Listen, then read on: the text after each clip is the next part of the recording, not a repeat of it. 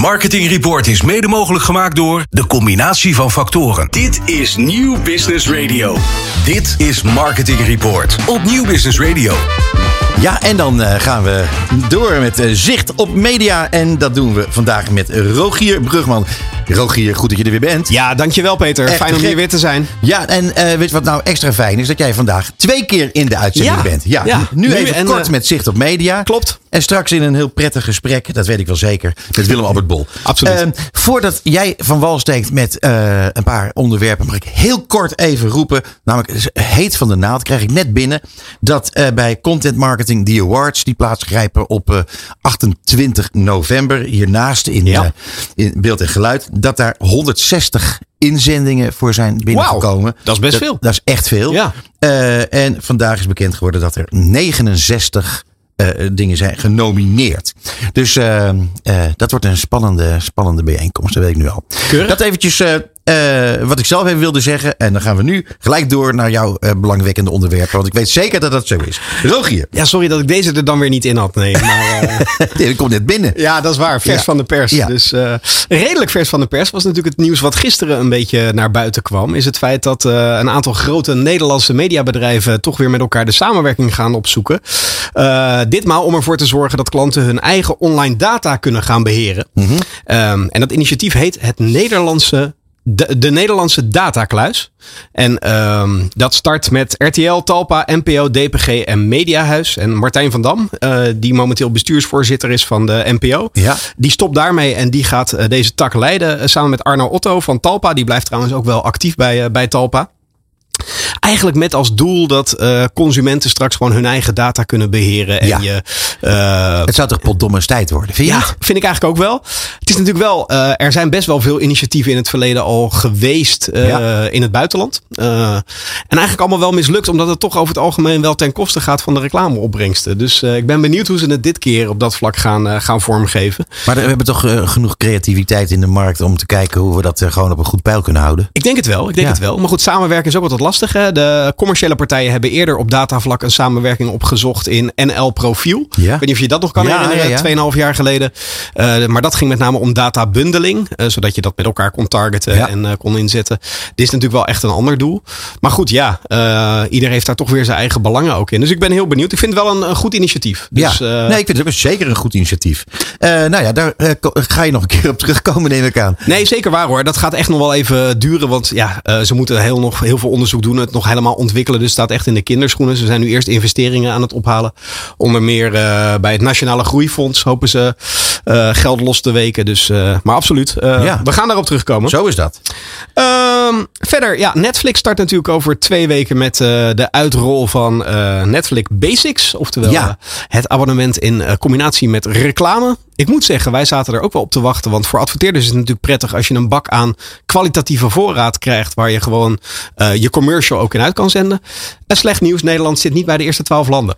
Oh, wat ontzettend som. Dat is echt wel jammer, ja. Ik dacht, Dus, dat, wij, eh, ik dacht dat wij altijd een, een soort van testmarkt waren. Ja, vaak wel. Maar het zou kunnen dat het in Nederland nog relatief te goed gaat met Netflix. Het is natuurlijk in een aantal Ah, oké. landen eh, gaat het echt wel fors minder.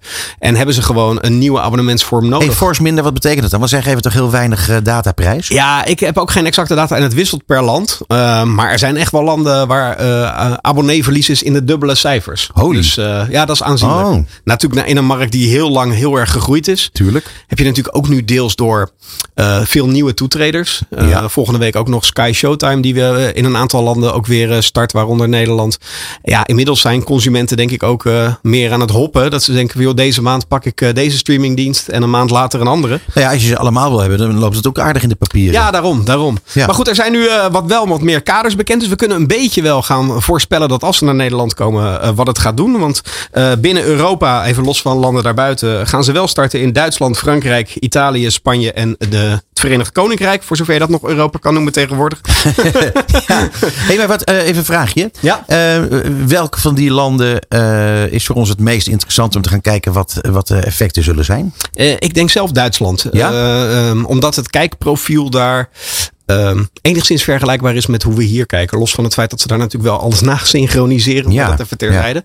Eh, maar je ziet dat de Zuid-Europese landen echt wel een ander kijkersprofiel hebben. Dus, Ja. eh, eh, dus dat. Maar wat zien we daar? Ehm, eigenlijk in al die landen gaat het abonnement tussen de 5 en de 6 euro kosten. Wetende dat nu een abonnement in Nederland op de reguliere Netflix, dus zonder reclame, start vanaf 11,99 euro. Dus het scheelt wel echt de helft ongeveer. Ja. Dus ehm, Nou, eerlijk gezegd, als je het mij persoonlijk zou vragen, zou ik denken van nou, dan neem ik liever die, eh, die van 12. Ik ben het met je eens. En dat is natuurlijk ook zal de meer- meerderheid blijven. Dat is ook met een videoland. Maar toch zie je wel, weet je, met name studentendoelgroepen, dat die vinden de reclame Ja. niet zo erg. Eh, en over het algemeen, eh, ja, als dit toch zes tientjes op jaarbasis scheelt. En in Nederland heeft niet iedereen het meer even breed. Nee, kan dat ik me waar. Weet je voorstellen. eigenlijk hoe het eruit gaat zien? Want dan gaan ze reclame Ja. doen tussen de, de, de, de, de, programma's door? Of gewoon, Zeker. gewoon midden in de programma's? Ja, eigenlijk allebei. Dus je krijgt vooraf een pre-roll. En je krijgt ook tijdens je serie of je film blokjes te zien. Maar wel Oh. vooralsnog maximaal 30 seconden. Dus je krijgt niet Ah, die oké. zes minuten reclameblokken die je Oh. soms op tv hebt. Precies.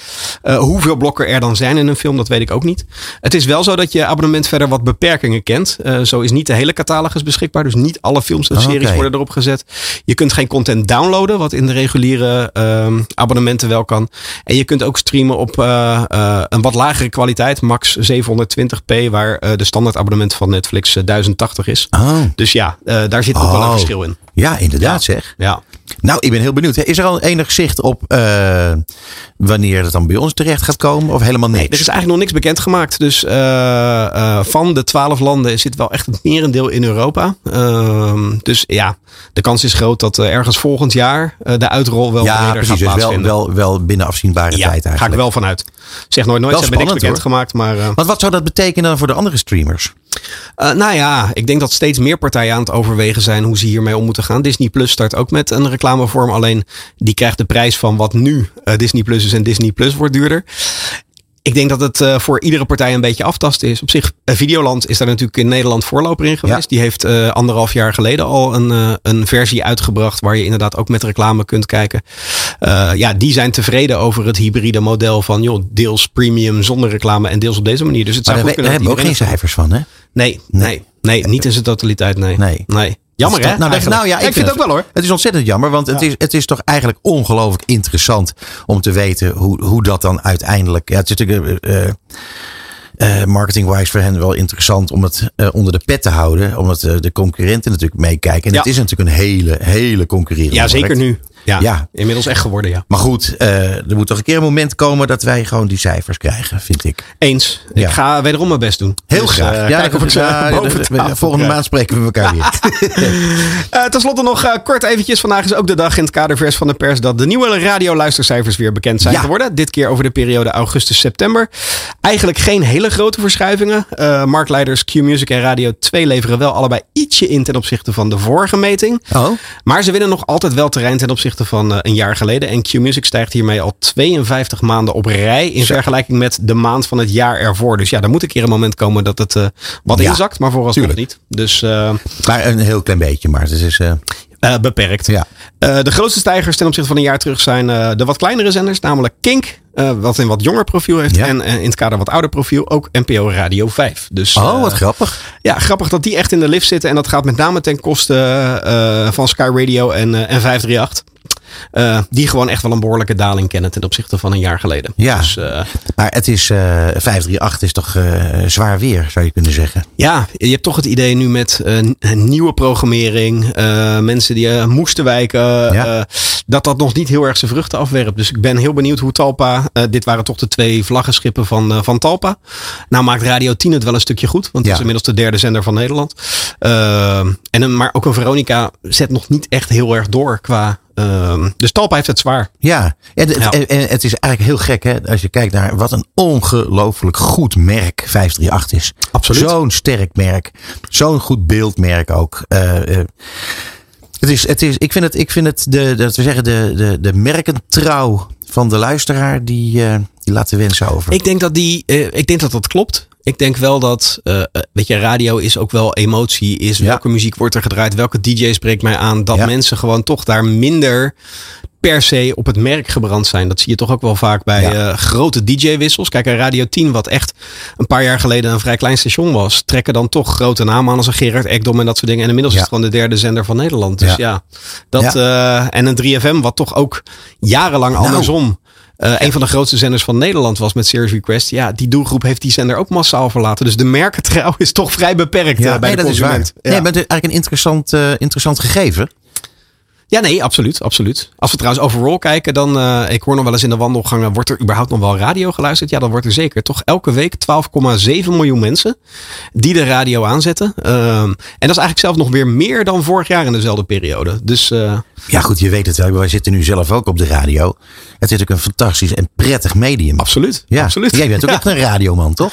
Eh, geweest, hè, geweest. Jawel, ik heb maar ooit in mijn... je- Erik de Zwart zegt altijd, als je een radioman bent, dan blijf je dat altijd. Nee, dat, dat klopt. Dat klopt. Maar nu aan de andere kant van de tafel. Ik vind het mooiste medium om te adviseren nog steeds. eh, maar eh, er is een tijd geweest dat ik ook zelf actief radio ja, heb gemaakt. precies. Ja.